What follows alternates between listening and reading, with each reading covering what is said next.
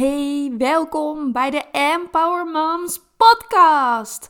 Mijn naam is Maaike Hendricks. Ik ben psycholoog en bevallingsexpert en ik help moeders bij het verwerken van een nare ervaring rondom de zwangerschap, bevalling of de tijd daarna.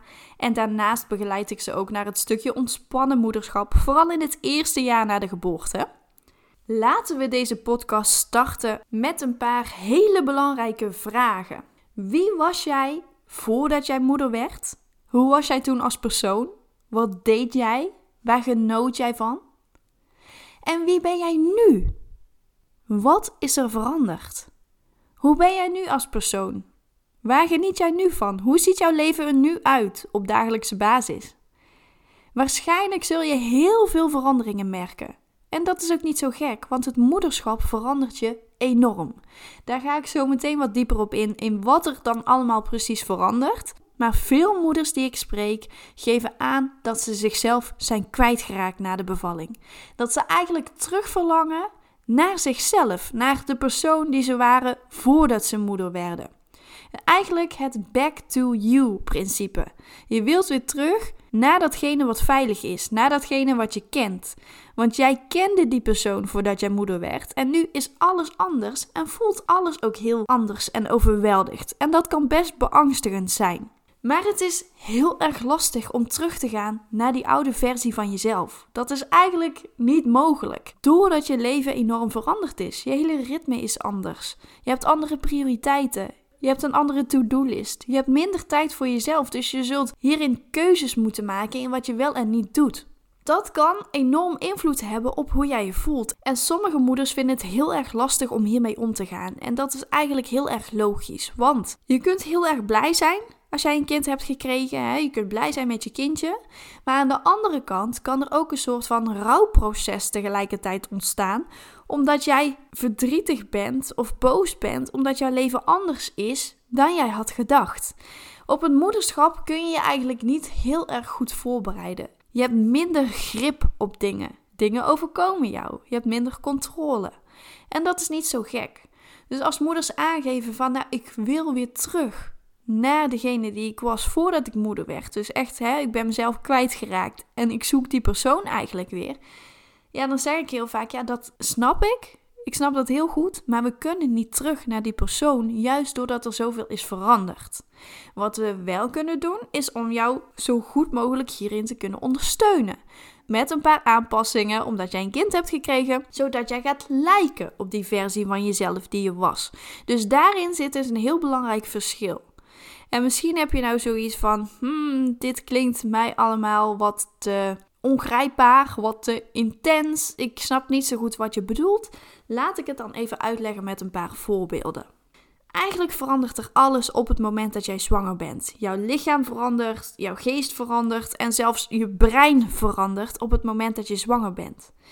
We hebben dit niet altijd in de gaten. Dit gaat vaak heel erg geleidelijk, net zoals dat het geleidelijk gaat dat jouw buik groeit. Dat gaat ook niet van het ene op de andere moment dat die enorm is.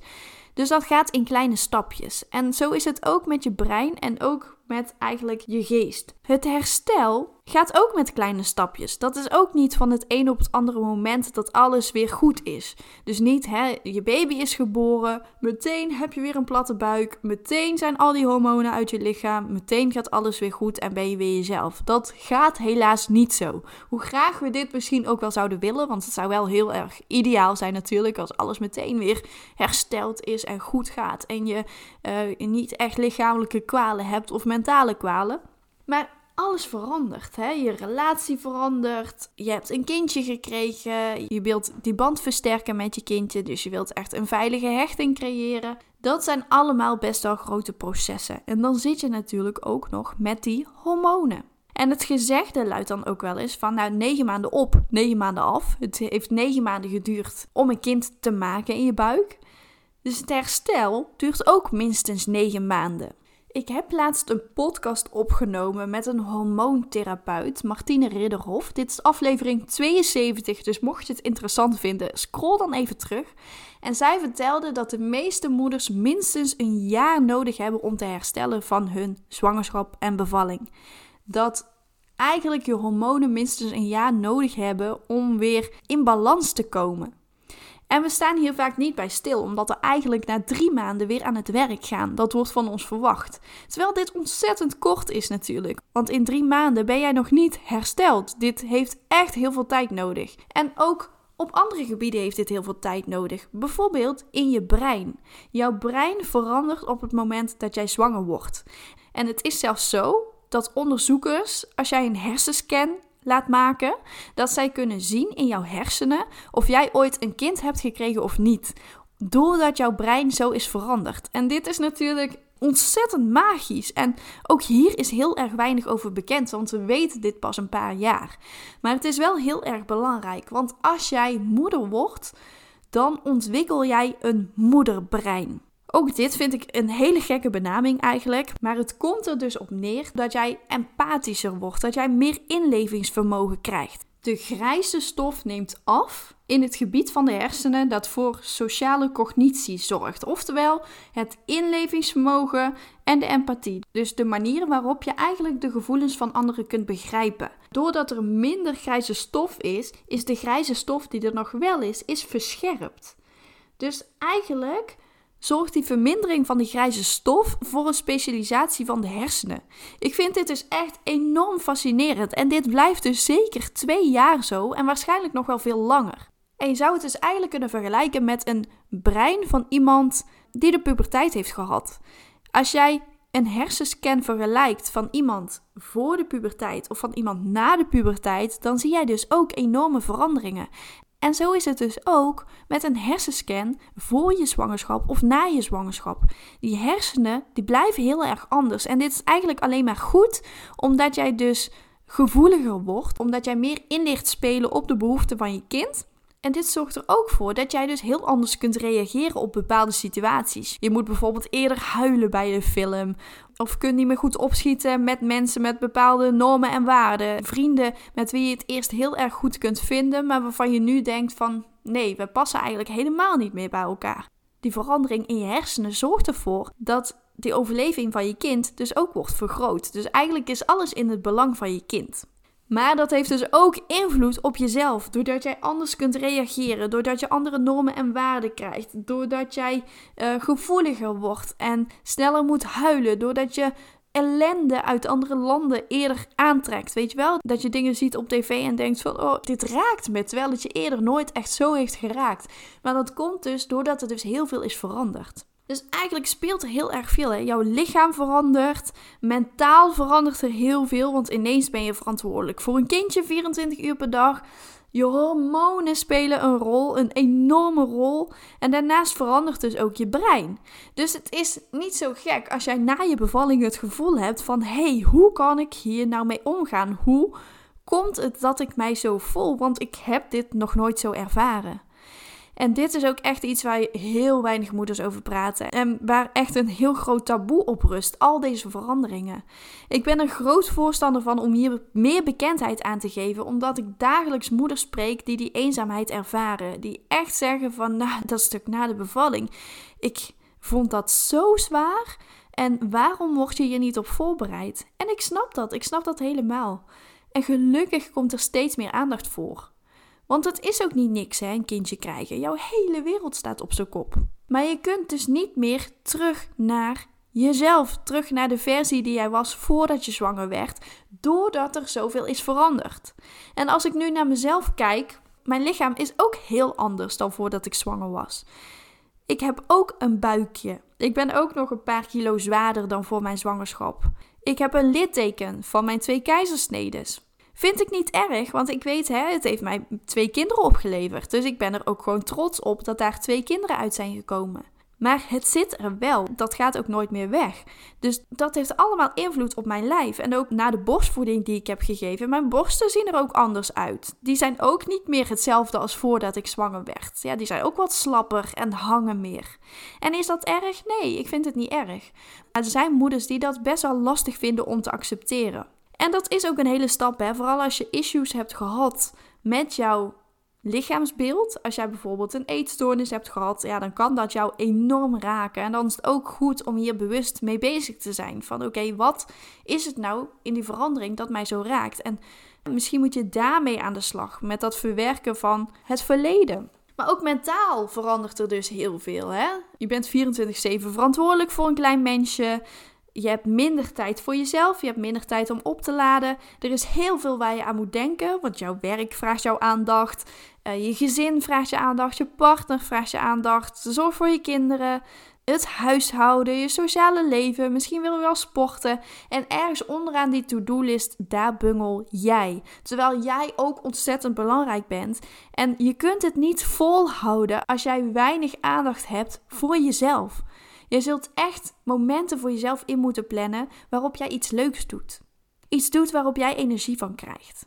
Iets doet wat je misschien al deed voordat je zwanger werd. Want ook dat vergeten we vaak, hè? dat we die dingen kunnen doen. Misschien hield jij wel van een spelletje doen, of van puzzelen, of van tekenen, of van schilderen. Maar wat het ook is, pak dat gewoon weer op. Want dat zijn van die kleine dingen die je juist heel makkelijk weer kunt oppakken. En dat hoeft echt niet meteen uren per dag te zijn, maar begin gewoon met een kwartiertje of met een half uurtje. Maar op het moment dat jij dat doet, zul je merken dat je daar heel veel energie van krijgt en er heel veel plezier uit gaat halen. Dus jijzelf mag echt jouw prioriteit hebben. En dan je hormonen. Je hormonen in balans brengen, dat is ook niet makkelijk. En vooral als je slecht slaapt, die eerste tijd met een baby, ja, dat slapen is vaak gewoon heel erg lastig. En je boft echt als jouw kindje heel snel door gaat slapen. Dat is echt super fijn. Maar slaapgebrek kan jouw hormonen verstoren. En daardoor kun jij je ook meer down gaan voelen. Kun jij je meer somber gaan voelen. Zit jij niet erg lekker in je vel en kun je je minder energiek gaan voelen. Dus het is heel belangrijk om te kijken van hoe kan ik mijn hormonen het beste ondersteunen. Dus wat eet ik op een dag? Eet ik gezonde dingen? Beweeg ik voldoende op een dag? Heb ik veel stress bijvoorbeeld? Neem ik mijn rust? Ook al heb je slapeloze nachten, kun je wat extra momenten van rust inplannen. Kun je wat eerder naar bed gaan. Eigenlijk is toch wel 6 à 7 uur slaap minimaal wat je s'nachts moet hebben. Het liefst 8 uur per nacht. Dus probeer hier ook zeker op te focussen. Want op het moment dat jij goed slaapt, zul je merken dat jij je ook meteen wat fitter voelt en fijner voelt. Dus het ondersteunen van je hormonen is ook super belangrijk om weer terug te keren naar die fijne versie van jezelf. En dan hebben we natuurlijk dat stukje brein, hè? dat stukje brein wat enorm verandert. We hebben niet echt invloed op die hoeveelheid van grijze stof en witte stof. Maar wat we wel kunnen doen is accepteren dat we ons misschien niet zo lekker voelen. Accepteren dat we wat meer moeten huilen, dat we gevoeliger worden. Accepteren dat het in het belang is van ons kind dat wij sensitiever reageren. En dat dat alleen maar goed is. En misschien vind je dit niet altijd goed, hè? Want ik kan me ook voorstellen dat het heel lastig is als jij heel emotioneel bent en dat dat op bepaalde momenten ook niet echt goed uitkomt. Bedenk dan, het is niet voor niks dat mijn brein dit doet. Het heeft een reden. En we kunnen niet veranderen waarop dat gebeurt, maar we kunnen wel veranderen in hoe we daarmee omgaan. Dus blijf jij erin hangen dat het zo vervelend is hoe jij bent geworden of dat je het zo lastig hebt, of focus je op je mindset en kijk je naar jouw manier van denken, krijg jij grip op jouw gedachten en kies je vooral gedachten die jou ondersteunen, die jou geen verwijten maken, maar die jou accepteren zoals je bent. En dat is niet makkelijk, dat is echt heel erg lastig en dat vergt oefening, maar het is wel heel erg belangrijk om je goed te voelen. Dus dit zijn eigenlijk een aantal veranderingen die jij doormaakt op het moment dat jij een kindje krijgt. Het is dus niet zo gek als jij je niet meer jezelf voelt. Want je bent dus ook heel anders. Je bent echt een totaal ander persoon geworden. En doordat je dit nu weet, kun je dit misschien beter accepteren. Want er is dus heel veel onzekerheid rondom dit onderwerp. En we denken vaak dat we hier alleen in staan, wat ook weer kan zorgen voor eenzaamheid. Ik merk het vaak aan de moeders die ik begeleid van, oh, ik voel me echt zo eenzaam, want het lijkt allemaal zo goed te gaan bij de andere moeders. Maar weet je, iedere moeder heeft twijfels of ze het wel goed doet. En iedere moeder denkt soms van, oh, heb ik er wel goed aan gedaan om kinderen te krijgen? En ook dat is een taboe om over te praten. Maar dit mag er zijn. Deze gedachten mogen er zijn. En het is juist belangrijk om hier niet in te blijven hangen. Want dan is het wel goed om hulp te zoeken. Merk jij dat deze podcast jou raakt? Dat jij het gevoel hebt van, nou, ik herken me hier wel in, maar ik vind het lastig om hiermee om te gaan. Ik weet niet zo goed hoe ik dit het beste moet aanpakken. Stuur me dan even een berichtje op info@empowermoms.nl of stuur me een DM op Facebook of Instagram empowermomsnl. Dan kijk ik gewoon even met je mee En dan kan ik je ook vast een aantal tips geven die jou helpen om hiermee om te gaan. Dus mocht jij het fijn vinden om hierover in gesprek te gaan, laat het me dan zeker weten. Schaam je er vooral niet voor. Ik vind niks gek, maar het is heel belangrijk om het hierover te hebben. Dus blijf er vooral niet in je eentje mee rondlopen. Ik hoop dat ik je met deze podcast heb kunnen inspireren. Ik hoop ook dat ik je het gevoel heb kunnen geven dat het normaal is om dit soort gevoelens te hebben van oh ik weet het even allemaal niet meer en waarom voel ik me niet mezelf. Dat komt omdat jij gewoon echt een ander persoon bent. Dus wil je hier mijn advies over? Laat het dan zeker weten. Ik wil je ontzettend bedanken voor het luisteren naar deze podcast en tot de volgende keer.